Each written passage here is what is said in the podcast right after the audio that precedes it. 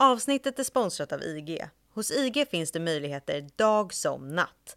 Svenska traders är vana vid att handla med listade certifikat som till exempel bull eller bear-kontrakt. För er erbjuder vi Turbo 24. På ett ISK-konto handlar du index inklusive OMXS30, valutor och råvaror dygnet runt måndag till fredag.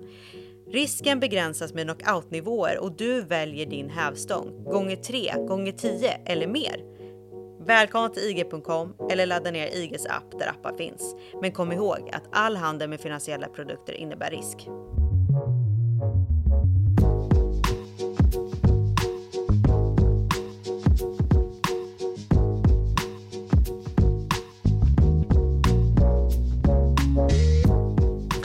Ända sedan Marco Polos dagar har sagor om landet där solen alltid stiger, den bortre orienten i öst, intresserat och inspirerat drömska västerlänningar.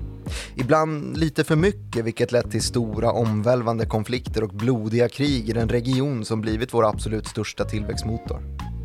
Trots det, eller kanske på grund av mytologiseringen av bortre Asien, har vi svårt att förstå tankesätt och utveckling i den här fragmenterade regionen. Därför är det dags för Follow the Money som ju är en podcast om makt, storfinans och börsen av mig, programledare Martin Nilsson och utrikesredaktören Joakim Rönning att ta avstamp för den efterlängtade sommarserie som inleds här och nu. Och då ta sikte på att gå på djupet om historien, makten och storfinansen i detta Asien. Vi uppmanar alla att spetsa öronen och tillåta sig bli en västerländsk markopolisk drömmare i fyra avsnitt, för nu ska vi prata om draken Kina, om det ständigt imperiedrömmande Japan, om balansbrädan däremellan i det delade Korea och om hur konfliktytor blivit permanentade in till moderna tiders handelsbord efter århundraden av schismer och påminnelser av blodiga övergrepp. Det blir en resa längs sidenvägar till lands och till sjöss och med och mot kommunister med machete i hand under Indokinas krigshärjade djungeltak och ut i superapparnas cyberrymd i Indonesien, Malaysia och Vietnam. Och vi ska såklart också prata om Sydostasiens tigerekonomierna Taiwan, Singapore och Hongkong. I avsnitt två här beger vi oss söderut i regionen men olikt historiens europeiska kolonialister i en jakt på förförståelse för just de vågor av imperialism som européerna sköljde över regionen mellan 1500 och 1800-talet. Vågor som faktiskt ledde till skapande av moderna aktiebolag. Först av allt, Joakim Rönning, tycker jag att du ska sätta det här i en geografisk kontext igen. Vad är det egentligen vi pratar om när vi pratar om Sydostasien? Det är då alltså Myanmar i väst, Thailand, sen så har vi Kambodja, Laos och Vietnam. Sen söderut så ligger då Malaysia som angränsar till Thailand i norr. Och så på andra sidan eh, Singapore som ju också ligger där och Malackasundet. Eh, så har vi Indonesien i sydöst och så har vi norr om Indonesien då, Filippinerna. Bra att det är du som är utrikesredaktör och inte jag. Men nu har jag lite, lite koll på i alla fall hur kartan ser ut som du Det är många som har varit upp. i den här regionen nu. Mycket backpacking. Solsemester eller en backpacking. Mm. Jag har inte varit där. Nej, inte jag heller egentligen. Jag tänker att man hamnar ju där förr eller senare. på vilket sätt menar du? Nej men alla svenskar åker ju dit så. Jo, jo det är väl sant. Men... Så tänker jag. Men eh, det här är ju länder idag, men det var ju, har ju inte alltid varit det. Var Man det inte ju- länder förut? Nej, det var inte länder när européerna kom dit. Vad var det då? tänker man, ja men Indonesien, man invaderade Indonesien. Nej, det gjorde man ju inte, för det fanns inget Indonesien riktigt. Det fanns en mängd stadsstater och så var det ju nå, någon stadsstat som var styrande över en lite större region och dikterade villkor då. Mm. Ehm, så det här med landsgränser, det är ju lite grann en europeisk innovation. Och det kan man ju se om man åker till Kambodja är väl det, där det finns den här fantastiska Angkor Wat, Mhm. ett gammalt buddhistiskt tempel ute i djungeln. ehm, som ju är byggt under den här tiden då när Angkor ju var den styrande stadsstaten i regionen. Och som sagt i Kambodja då, den djupa djungeln. Men det har ju funnits andra, andra stadsstater också på de olika öarna, Indonesien, Sumatra och Borneo och vi har ju Siam då som är Thailand idag. Det heter ju Siam länge i olika omgångar. Som också har haft olika statsbildningar som har varit då dominerande militärt i regionen och som sagt dikterat villkor för övriga folk. Men det är ju en väldigt etniskt skild eh, region också då med väldigt mycket olika folk och väldigt mycket olika andlig tillhörighet också, alltså religiöst då. Mm. Och det är de här eh, europeiska gränsdragningarna då som har bidragit till att det är en så orolig region. För det är ju rätt lätt hänt då att man kanske drar en eh, gränslinje någonstans eh, kring ett sånt här tempel eller en sån här helgedom som Angkor Wat då är till exempel. Och så visar det sig sen att de som ju skulle gå och be i det här templet, de är ju på fel sida gränsen och ja, då blir det ju jobbigt um, när man inte erkänner denna gräns då. Men vilka länder var det som härjade i de olika sydostasiska länderna då? Mm, det är också ganska fint regionalt uppdelat då, för Myanmar som då hette Burma och um, Malaysia som ju inte sitter ihop direkt, det är ju Thailand däremellan. Men det var ju brittiskt då. Um, inte Thailand som är det enda landet i den här regionen som inte blev koloniserat faktiskt. Mm. För öster om Thailand då så finns ju det som man under lång tid kom att kalla för franska Indokina. Och det består då av Laos, Vietnam och Kambodja. Sen söderut då så har vi ju ehm, eh, nederländska Indonesien och eh, sen så var ju Filippinerna, det hör man på namnet, spanskt och spanjorer som invaderade där och la under sig och så kallade man öarna för Filippinerna från Filip den andre, eller vad han hette, spanske kungen. Så där har vi väl lite grann målat upp hur, vilka dominerade makterna var. Sen så har man också litet inslag av portugisiskt då i eh, form av eh, portugisiska Timor, det som idag väl är Östtimor. Jag vet inte om hela ön kanske var eh, portugisiskt. Det här är ju en ö som är väldigt eh, omstridd fortfarande med lite skärmytslingar och utrensningar som, som sker lite då och då och då är det ju Indonesien och eh, Östtimor som håller på och um, slåss om vem som ska ha eh, vilket land och så. Så det är ju en väldigt tragisk punkt i Indonesien och kanske den tydligaste resten av då hur svårt det var att ena Indonesien som ju är en stor skärgård egentligen. Det är ju, består ju av typ 25-30 000 öar. Så kan man ju tänka sig att det finns ungefär lika många folk också som eh, anser att det här med gränser inte är så mycket konstigare än att man bor på en ö eller en annan. Mm. Men det här kom ju då att ändra på sig när de europeiska makterna kom hit och det var ju någonstans på tidigt 1500-tal som den här vågen började.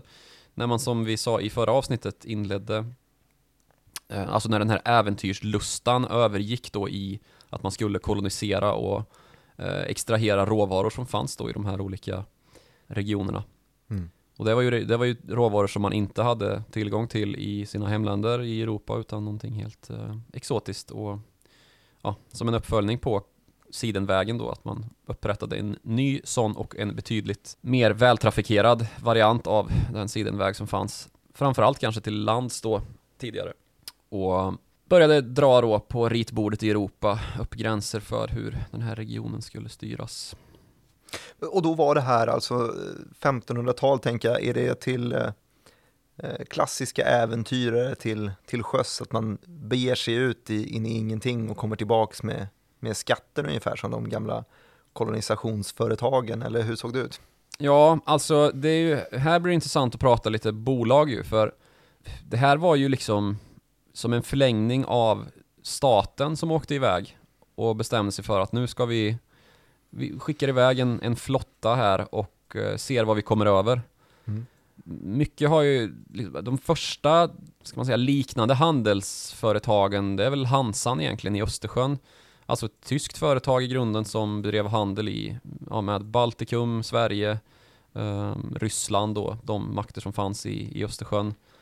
Och ehm, det liknar ju ganska mycket de här handelskompanierna som sen kom att åka från Storbritannien och Nederländerna framförallt då, men även på, som en beskickning av spanska kungen eller man reste under det flagget, men man, man var egentligen ett, ett eget företag som... Ja, men med en egen armé. Mm. Så det är ju inte ett företag som, som vi ser dem idag, men det är ju här ur vi har fått liksom eftersom att det gick att finansiera de här bolagen vad det led då, att man kunde gå in som riskkapitalist Mm. och tänka att, jaha, här har vi ett bolag som nu ska åka iväg och Eh, kolla vidare på om det kanske finns något land där nere i södra eh, Atlanten kanske. Se om man kan hitta några sköna råvaror där. Det skulle jag vilja vara med och kunna hämta ut lite vinst av i så fall. Så sålde man in då ett koncept mer eller mindre för ett företag som man skulle skicka iväg då ut på världshaven. Och så fick man som privatperson eller som investerare helt enkelt se om uh, det här var intressant för en och så satsa sina, sina pengar om man hade några där.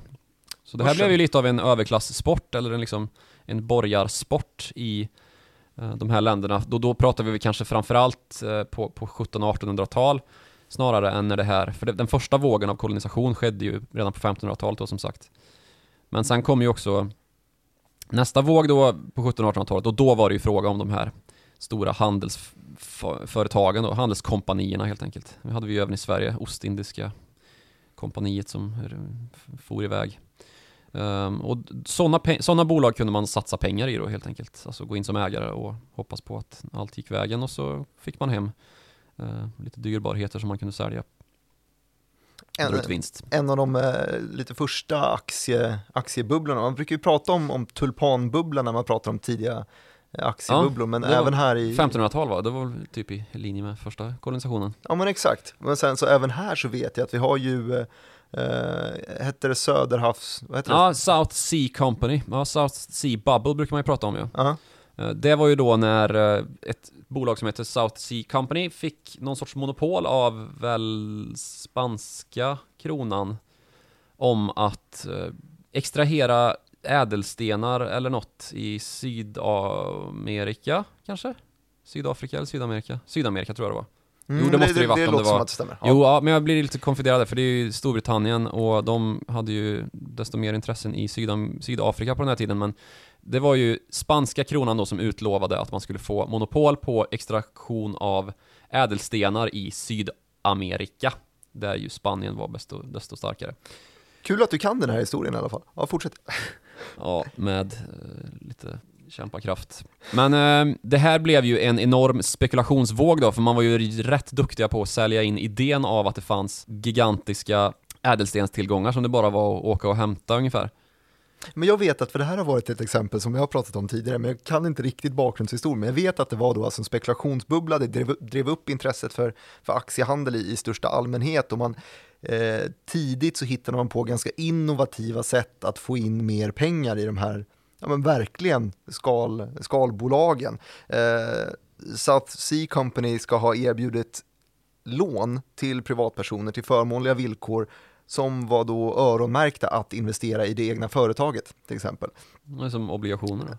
Ja, men exakt. Eh, när de då, liksom innan de ens har varit ute och, och gett sig ut på resan. Så det, var, liksom, det drev upp intresset för aktiehandel i, som en största... IPO ja. av ett SPAC-bolag. Ungefär. Ja, och det här ekade ju över sen så att när eh, det här Söderhavskompaniet inte var lika värt att, att investera i längre för att det var så många som, som hade lagt pengar på just det så började man leta efter nästa bolag, vad kan det vara? Så det var liksom flera sådana här nybildade bolag vet jag som erbjöd intresserade att investera och oftast då eh, till ganska oklara villkor. Jag vet att ett sånt här citat som finns är att det var ett, ett, bolag som ska berätta om sitt prospekt, vad de ska investera i. Då skriver de “A company for carrying out an undertaking of great advantage, but nobody to know what it is”. Ja, men det där låter ju som ett prospekt för ett SPAC-bolag då. Det är exakt ett SPAC-bolag. Skalbolagen fast... Eh, då, det, Jävligt det, roligt faktiskt. Ja. Trots att jag inte skrattar. men eh, man behöver, alltså det är ju många som känner sig dumma i huvudet kanske när man har köpt något glassigt SPAC-bolag här under våren, för det har ju varit en jävla hås kring sådana. Ja. Men det kan man faktiskt vara geni att göra, för det gjorde um, Isaac Newton sig känd för att ha gjort. Oj ja. Och han är ju inte känd som något för, annat än ett... För, för eller efter En god tänkare. Ja. Uh, nej, jag vet inte om det var före eller efter han upp, uppfann gravitationen, eller det gjorde han inte, men han... Han blev varse den. Ja, precis. Äpple och träd och sånt som ju inte stämmer, men ja. Uh, han köpte då in sig ganska tidigt i South Sea Company Mm. Såg sina aktier öka drastiskt i värde. Sålde och var rätt nöjd ett tag. Mm. Samtidigt så gick hans uh, polare in och hux flux så var de ännu rikare för den här bubblan bara fortsatte ju att blåsas upp. Och Isaac Newton hade ju tänkt att det här skulle kanske gå åt fanders. Aha. Men när han såg sina polare bli rikare och rikare då kände han att nej, det här så står jag liksom. Skit i fundamenta, nu går jag all in. Jävla paper hands. Och hans polare började ju håsa på honom, vad fan, köp. Så gjorde han ju, på toppen. Och eh, Med ja, Isak. sålde ju punk liksom. Mm. Så han hade ju kunnat driva, han, han hade, hade ju kunnat liksom driva en jävligt rolig eh, finans-instagram-mem-konto med sina investeringar.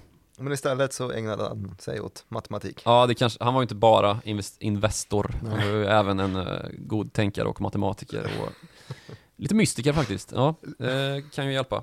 Men i alla fall, South Sea Company och dess gelikar, det är ju där någonstans vi har fått våra första aktiebolag egentligen. Som, eh, ja, det fanns väl tidigare, men i lite bredare liksom, form att man faktiskt investerade i en dröm och eller in, egentligen en dröm som någon annan skulle besanna då, eh, eller förverkliga. Och detta genom ett företag som skulle ut på världshaven och hitta Atlantis ungefär. Och ibland så besannades det, ibland inte. Men det här sättet då att kolonisera blev ju väldigt etablerat i, i de här länderna som la under sig hela, hela Sydostasien. Och det räcker ju egentligen inte där, för de var ju även uppe i Kina och härjade. Som sagt, opiumkrigen minns ju de som har lyssnat på den här podden att de var ganska stökiga för hela regionen, men kanske framförallt för Kina och Missbrukaren. Storbritannien, tänkte Mm. jag säga, men ja, absolut. Men som sagt, Thailand var inte koloniserat och det var lite grann på grund av att man ville ha en buffertzon mellan Frankrike då, som var öster om Thailand, och engelsmännen som var i Myanmar och Malaysia, tyckte de var smidigt. Mm. Och det var också britterna som såg till att expandera Malaysia då, för det är ju Malay-folket bodde väl primärt på Malacca-halvön. Sen så la man även under sig en del av då Borneo. Och söder om då så har vi ju nederländska Indonesien och det är ju ganska råvarustarka regioner vi pratar om här. Mm. Det är djungel och regnskog och det är väldigt, väldigt olje och gasrikt också har det visat sig senare. Mm. Kanske finns en anledning att plocka upp Shell här till exempel, Royal Dutch Shell, oljebolaget, som vi naturligtvis har haft en del nytta av att ha Indonesien som ett litet prospektområde. Vad, vad har de för koppling till Indonesien där? Nej men det är ju ett nederländskt bolag, Mhm. Shell. Och um, jag tror inte det, det är väl grundat och har haft sin första verksamhet i, i Nederländerna, men uh, Nederländerna är liksom inte ett perfekt land för en oljeletande verksamhet, så det är klart att Indonesien har varit väldigt betydelsefullt för uh, det här bolaget och dess oljeborrningar. Men det här är ju senare i tiden, för att Ja, på, det. på Absolut. 1700-talet så sket man väl i det där. Ja, då var det inte så mycket olja. Då var det kokosnötter och gummi. Nej. Valolja. Valolja Mm, kanske. Men det var inte så mycket i Indonesien. Utrotar man val istället. Mm. Tänk att vi alltid ska utrota. Ja. Ehm, om vi ska komma in på något lite mer väsentligt än um, valolja så kanske vi skulle ta och börja prata om, eh, vad har vi? Du var på Malacca-halvön och Mm. eh, Då är det ju rimligt att man börjar prata om eh, det som händer där. Söder om i alla fall, och det är Aha. ju handel. Aha, Vi har ju Singapore där som sagt. Okej. Och Singapore är ju egentligen en liten fiskeby från början. Det är det inte längre. Det är det inte längre. Det är ju världens rikaste lilla plats ungefär. Och det beror ju på att det är så extremt mycket handel. Man kan ta upp en sån här fartygskarta och titta där, för där är det ju den största punkten, den liksom hetaste punkten i hela världskartan av ehm, liksom transportfartyg som passerar in och ut. Det är Malackasundet. Så de har ingenting, ingen liksom resurs, naturresurs som Nej. gör att de blir De rika, har- utan det är geografisk punkt bara. De har handel, ja, de har handel. För det är mycket som, som eh, ska man säga, byter skepp här. Mycket frakt som byter skepp här. Mm. Och det är liksom, flöden av gods och varor är ju någonting som man kan ta en avgift på när det ska hanteras hit och dit. Ja, och det är ju handelshus då som har drivit upp den här ekonomin. Och det gör det fortfarande. Då förstår man ju att just det här sydkinesiska havet, den regionen, om vi rör oss i modern tid plötsligt, är så pass viktig. Dels så har vi ju de här naturresurserna till rikt på olja och gas där på havsbottnarna, Ja. men också att nyckel, nyckelpunkt regi, region, regionmässigt, geografiskt, är det Mm. ju många ord där. Ja, och det, men det- här har vi också då en eh, passus vi kan dra till Hongkong ju. HSBC, Ja, precis. Alltså det är ju det britterna håller på med. Det här med att eh, handel och finans är ju där de är som bäst på. medan Singapore var handelscentrum var Hongkong plånboken. Plånbok, ja precis. Så handel i Singapore, men det är ju även väldigt mycket handel i, i Hongkong ju. Det ligger ju också vid vattnet liksom och um, har ju blivit en kanal ut för mycket gods från Kina och kanske framförallt då i, i grannstaden Shenzhen där vi nu har en fartygskö på typ 20 dagar på grund av då ett covid-utbrott. Mm. Så um, Det märks ju verkligen. Ja, och det- och det har ju- och Ja, sånt där. precis. Och det har ju beskrivits som ett större problem än det här härliga eh, sidostående fartyget i Suezkanalen här i, tidigare i våras. Ja, det går inte bra för, för shipping. Nej, det går inte bra för shipping. Det är för Eller de som chippar tjänar ju väldigt mycket pengar. Ja, men det är för mycket, för mycket shipping på för lite tid liksom som ska Mm. göras. Eh, Alla varor ska ut överallt samtidigt. Allt det här liksom uppdämda som har väntat nu under pandemin ska slussas ut på en gång och då, Volvo ska ha sina halvledare. ja, typ. Och då går det inte riktigt. Eh, och på tal om halvledare så är ju det här en kritisk punkt då eftersom att Taiwan ligger ju här och Taiwan gör ju typ alla halvledare i världen. Mm. Ja, så där har vi lite förklaringen till då att britterna har sitt in, sin intressepunkt just vid Singapore och eh, Malaysia och varför då det brittiska bankväldet är som det är, alltså HSBC är ju en av de banker som är brittisk men som ju egentligen är en kinesisk bank eller en sydostasiatisk asiatisk bank för här, det är ju här nere man är stor eh, precis som Standard Chartered Standchart sitter i Mm. samma eh, trappuppgång som vi gör här på, i Stockholm Mm. de eh, är ju också liksom en asiatisk bank först och främst, men som har sitt huvudkontor i London. Mm. Och ja, det har vi sagt för den här podden också, att Storbritannien det är ju ett land av penningtvätt och finansiell, fi- finansiella råskinn är de ju. Eh, Inte lika bra på att producera saker. Så, så sant. Ehm, om vi tar det här vidare då, nu har vi gått nämligen från att rita upp kartan lite grann, eh, har vi väl ringat in de olika länderna i regionen och vilka som har eh, koloniserat dessa. Vi har gått igenom företagen som gjorde det, gick igenom SPAC-bolaget South Sea Company eh, och eh, har sen tagit oss till eh, Singapore och eh, de handelstäta regionerna. Var ska vi glida vidare? Jag vill koppla ihop det här med avsnittet tidigare. Vi la ju grunden någonstans i Kina, Japan och Korea. Ja, precis. Ehm, vi kan väl ta typ 1900-talet och börja titta på vad det är som har styrt liksom För det, det har ju varit kolonier ända fram till egentligen ja, andra världskriget blev väl en, en, en hård brytpunkt för många av de här länderna då att eh, det var då frihetskampen tog fart ordentligt. För de här, det här var ju länder som var oerhört drabbade av andra världskriget Mm. när vi pratar om det japanska imperiet. Så vi kan väl prata lite grann om just detta och de imperiedrömmar som vi började dra lite grann i, i förra avsnittet då. För Japan har ju inte bara gått på sina grannländer i form av eh, Korea och Kina. Man har ju också varit i krig med, eh, alltså det japanska imperiedrömmen är en av de stora anledningarna till att kejsardömet Ryssland föll. Mm. För Nikolaj den andre då, han tvingades föra ett tvåfrontskrig i dels Europa och dels i, mot Japan då i öst. Och det är ju inget lätt företag när man då har ett gigantiskt land och man ska ha trupptransporter Och så kommer det samurajer och härjar. Ja. Precis, sjösamurajer kommer och härjar. Mm. Så det här tvåfrontskriget blev ju liksom början på slutet för Nikolaj, som ju störtades i slutet på första världskriget ju, när vi fick Lenin-kommunism i, i eh, Ryssland som sedermera blev Sovjet. Men det var ju då ett krig som Japan lyckades vinna mot allas förväntan. Eh, och det var ju egentligen första gången som ett, ett liksom österland lyckades besegra ett västerland i, i eh, militär konflikt. Mm. Eh, Så då började man ju kanske dra öronen åt sig lite grann i väst och tänka att ja, Japan ska vi nog inte härja med för mycket. Och de japanska behoven av att gå utanför ön har vi också redan pratat om att det är ju ett jättetrångt land med ganska dåligt med naturresurser men väldigt mycket folk. De har blivit kungar på att förädla råvaror som de importerar Ja, eller precis. snor till sig. De har ju verkligen blivit det. Det är ju en, en industrination av nåde alltså. Mm. Men vi, vi kan komma dit lite senare.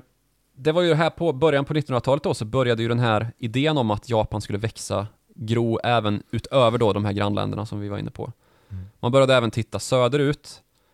Och då när andra världskriget var eh, på sin peak nästan i, i Europa då, att det började puttra i, alltså Nederländerna var plötsligt besegrat av Tyskland som ju inte har några intressen egentligen i uh, den här regionen som vi rör oss i de här avsnitten. Mm. England var hårt ansatt med bombningar. Uh, vi hade ett, ett Frankrike som också skulle falla mot tysken.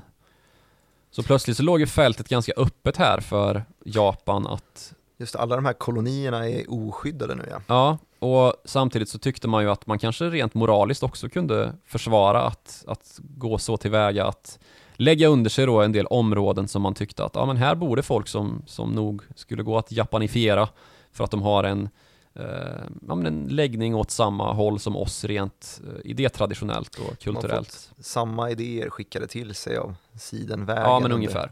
tidiga begynnelsen. Men även efter det då så började man ju expandera även långt bortom de här direkta Det man kanske närmast tänker på är ju just landmassor som hör ihop med de man tidigare har varit intresserad av då, Kina, alltså Indokina. Men det här blev ju ett sjökrig där Japan började visa intresse för då att ta områden i hela Sydostasien egentligen, hela den här arkipelagen som, som finns söder om Japan. Och flottan i Japan är, var ju väldigt stark vid den här tiden då. Eh, I alla fall i ett liksom lokalt perspektiv till regionen sett. Och det här kan man ju till och med, jag vill ändå tycka att det här kan ju vara intressant att resonera om som om inte kolonialismen hade skett på det sättet den gjorde utan de här regionerna hade fått utvecklas på sitt sätt då så kanske det inte heller hade blivit någon attack mot Pearl Harbor. För det, några som hade intressen i Sydostasien var ju definitivt amerikaner som ju dels då kom att eh, få allianser med många europeiska länder och som dessutom sedermera gick in i kriget ju. Och varför gjorde man det om inte för då att Japan tvingade dem till det med det här anfallet mot Pearl Harbor 1941. Så anledningen till att Japan anföll Pearl Harbor, det har ju varit någonting som man diskuterat ganska mycket. Varf varför liksom? Det låter ju helt idiotiskt. Mm. Det fanns ju till och med amiral Yamamoto med i krigsrådet som sa liksom att, alltså som var amerikansk utbildad och pratade engelska och som sa att det här kommer säkert gå i viss mån till en början att vi anfaller amerikanerna, kanske har lite initiala framgångar, men när amerikanska industrin ställer om till krigstillstånd, då kommer vi bli fullständigt överkörda på ett halvår. Och det hade han ju helt rätt i också, generalen. Och så fick de ta del Amiralen. av spjutspetsteknologin där också, tyvärr, med Hiroshima och Nagasaki så småningom. Ja, och det är väl också lite grann en Alltså det var ju inte så att Hiroshima och Nagasaki var de enda bombningarna av Japan. Alltså hela Tokyo brandbombades ju och det var ju, jag tror det var fler dödsoffer av de brandbombningar som gjordes av japanska städer än under eh, Nagasaki och, och Hiroshima. Nu är det naturligtvis så att det finns ju lite mer Långvariga effekter? Ja, precis. Långvariga effekter av ett, en, en, atombomb. Så det är kanske är svårt att göra den räkningen helt och hållet korrekt. Men det var ju ett ganska hårt ansatt land och det hade nog varit så att man hade fått tvingas vika sig. Alltså Stalin hade precis förklarat krig med Japan och då var ju loppet ganska kört. Alltså när man var klar på västfronten från ryskt eller sovjetiskt håll då så vände man sig till östfronten och det var ju Japan. Så ja, det hade nog blivit tufft att försvara. Så man räddade ju folket då, eller kejsaren räddade folket och avgick. Och det var väl eh, kanske... Sidospåret med om utan kolonialismen inget Pearl Harbor. Ja, det var lilla sidospåret, men eh, om vi ska skruva tillbaks lite då till den här, det här japanska råvaruproblemet ytterligare en gång. Så är ju det ett problem som man också kan dra in Sydkorea i. Mm -hmm. För Sydkorea är ju ett väldigt kargt land, eh, rent råvarumässigt finns typ ingenting där. Den skog man hade en gång bestämde man sig för att skövla någon gång i början på 1900-talet. Det finns lite, lite det finns knapert, men det finns en del mineraltillgångar. Långt ifrån så mycket som det egentligen skulle behövas. Så man importerar ju i princip allt i Sydkorea. Inklusive trä då, som man försökt att liksom växa upp mm. uh, efter skövlingen. Men det är inte tillräckligt mycket i liksom, man blir närhet. lite isolerad geografiskt. Ja, och man har ju ingen landväg heller eftersom att Nordkorea ligger som en propp liksom norrut. Mm. Så all handel sker ju här till sjöss i princip. Och um, därför har ju Sydkorea lite grann fått um, en position i världsekonomin dit man ofta tittar då för att se liksom en prognos på hur världshandeln mår egentligen. Exportdata och sånt är ofta väldigt uppmärksammad när den kommer från Sydkorea.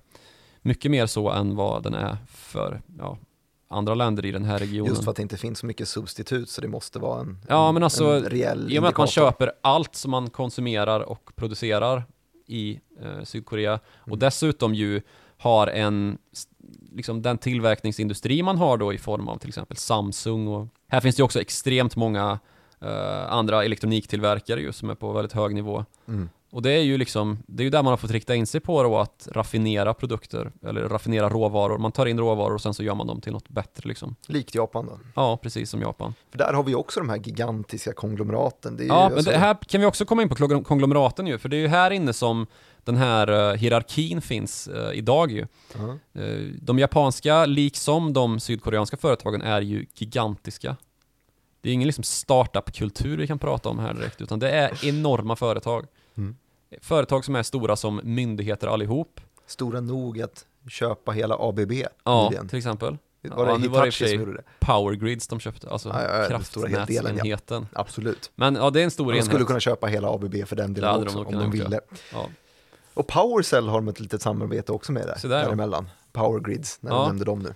Precis, men eh, ekonomin i, i sin helhet då, det är ju att när du tar en anställning i Japan eller Sydkorea, då gör du ofta det på livstid. För att de här företagen är så stora, så du kan göra en hel karriär inom de här företagen. Och det är ju också känt den japanska arbets, eller japanska och sydkoreanska arbetskulturen där man typ jobbar ihjäl sig. Mm. Eh, Det finns ju exempel på det, att man har så hårt driven och hierarkiskt eh, bergfast arbetskultur att folk faktiskt jobbar ihjäl sig, sitter, vid kontor, sitter på kontoret och dör liksom. Ehm, så det är ju långt ifrån toppen. Men, det finns ju... Ja, och det, men det kommer ju ifrån att, att det är ett land med lite råvaror. Man får inte wastea grejer, du får inte, du får inte slösa bort varken tid eller kraft eller resurser på att, eh, alltså i någon form, utan du måste ta tillvara på saker och ting. Det ligger ju verkligen i kulturen. Mm. Och dessutom då den här hierarkiska ehm, strukturen som man bär med sig rent filosofiskt då, så, så är ju det här konsensus av alla de bitarna. Och detta ligger ju bakom någonting som alla som går på en handelshögskola eller läser en ekonomikurs får lära sig lite om. För det är ju så att eh, det är ju inte bara en massa handelshus och banker och sånt här som ofta hänger ihop med dessa handelshus. Vi har typ Mitsuho och Mitsubishi till exempel. Mm. Det finns ju också tillverkningsföretag som Toyota. Mm. Och där har man ju jobbat oerhört mycket med just detta med effektivitet då. Hur ska man producera på ett smartare och mer slimmat sätt? Och därigenom slimmat fram det management-retoriska, Lean, magiska ordet lean ja. just det. Konceptet lean. Mm. Som ju då går ut på att alla processer ska vara självförbättrande, man ska automatisera med ett perfekt lagom inslag av mänsklig hand och man ska eh, Alltså ur det här så springer ju den här idén med just in time som väl har blivit det mest avskydda managementkonceptet sen covid-pandemin eh, började lätta lite grann. Just det, för då blev det ju väldigt tydligt hur pass sårbart det blev. Ja, om, precis. För det handlar ju då om att ha, istället för att ha eh, dina varor i lager så har man dem hela tiden på vägen. Ja, vägen precis. blir lagret på väg ut till kund eller till butik eller vad det nu ska. Mm. Och då så fort det blir ett hack i den här kurvan så blir det otroligt tydligt. Man brukar ju ha sådana här skräckexempel på, i alla fall under de nationalekonomi eller management-delen av kurserna i skolan så brukar man ha exempel på hur lång tid tar det innan varorna i en butik tar slut om leveranskedjan bryts. Ja, eller hur, länge en produktion kan pågå utan att, eh, ja,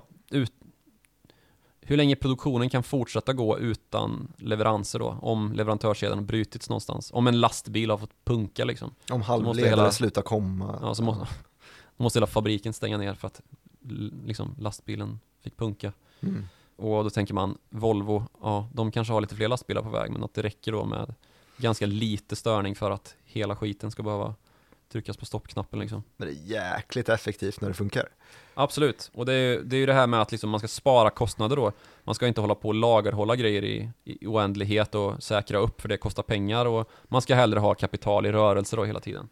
Det är ju ganska logiskt, men det har ju verkligen fått sig en törn det här nu då när vi har problem med det här uppdämda utbudet då, eller vad man ska säga, som ska ut nu. En massa produktion som har fått stå still först och sen så kanske tuffa igång och så har man plötsligt en, en propp i systemet som består av då att alla ska få ut allt på en och samma gång och det finns inte båtar så det räcker och containrar så det räcker och lastbilar så det räcker. Liksom. Och plötsligt så kostar en containerplats tio gånger mer än vad 16 det gånger gjorde. mer, precis. Ja. Eh, det är ju där vi har hamnat. Och det är japanernas fel. Nej, det är det inte.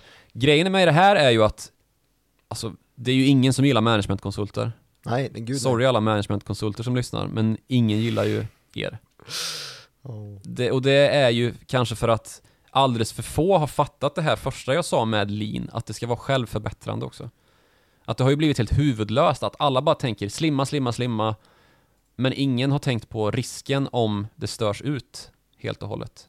Och ja, managementkonsulterna är väl de första att rycka ut och säga ja men det är en svart svan.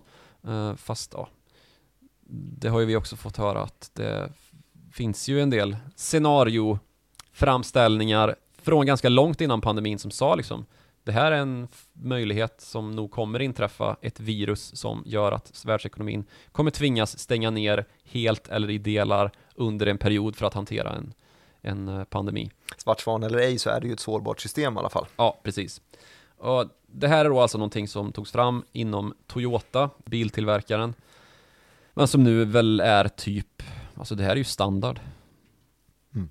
Och det är väl först nu som man har börjat ja, komma på att det här funkar ju inte. Och då kommer ju nästa di- diskussion då, ska vi ens ha leverantörskedjor som är så sköra i den här regionen, där det dessutom är en ständigt pågående geopolitisk konflikt, handelskonflikter och svårt att dra jämnt mellan de här olika eh, länderna som ju har en intern liksom eh, ledgång också till Mm. hur mycket man gillar varann. Kambodja och Vietnam till exempel har inte särskilt gott öga till varann. Mm. Kina och Vietnam kan tänka, ja fan Kina var väl med och hjälpte i Vietnamkriget, men nej det var faktiskt inte direkt så, utan snarare så att eh, Vietnam ville föra krig med Kina när amerikanerna hade lämnat. Och det är ju liksom olika sorters kommunism och den ena är liksom mer maoism, den andra är mer leninism och det ska vi prata mer om vad det lider. Men kanske framförallt så har ju den här debatten nu om leverantörskedjorna hamna, handlat om Taiwan ju Mm. och Sydkinesiska havet, problematiken då. Och det är också därför det flyger eh, F-16-plan och F-35-plan i Taiwans Air Force, vad heter det? Ja, deras flygvapen Flygvapen. rätt ner i vattnet ibland har jag Ganska sett. ofta Mm. till och med, för att trycket är så hårt från kinesiska... Trötta oerfarna piloter, eller? Ja, Eller har de blivit nedskjutna? nej, jag tror det hade märkts i så fall. Mm. Men det är ju också lite dramatiskt nu i och med att man har slutat flyga radarplan över, alltså göra inskränkningar på Taiwans luftrum från Folkrepublikens sätt eh, med radarplan och övergått till bombplan som är bestyckade dessutom. Så det ser ju lite illa ut i den här regionen och att vi då ska ha liksom världens viktigaste ja, typ råvara nu, för det är ju nästan på den nivån de här ganska enkla chippen egentligen har blivit. Eh, Som behövs då för att utrusta bilar och allt egentligen. Mm. Alla elektroniska produkter. Alla Japans förädlade varor. Ja, men eh, allt. Varenda jävla bilfabrik i Europa står ju också still liksom. Så då har man ju börjat fundera då i våra delar av världen, och ska vi verkligen ha TSMC som vår enda chipleverantör?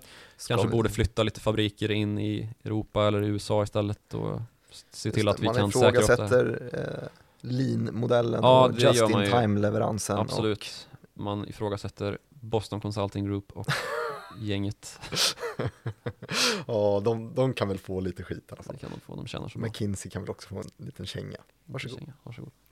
Med den kängan så kan vi väl ta och stampa eh, golvet ur det här avsnittet också, som började med att du ritade upp en liten karta över det sydkinesiska havet, över eh, Burma, Malaysia nämnde du, Vietnam, Kambodja, Laos och så vidare, hela vägen ner till de olika kolonisatörerna. Som eh, vi nämnde också South Sea Bubble, det lilla handelskompaniet som det blev blev en stor spekulativ bubbla och som vi likställde med en spack kring. Och sen så tog vi oss till de japanska imperiedrömmarna och vi fick ett litet sidospår med utan kolonialismen kanske inget Pearl Harbor.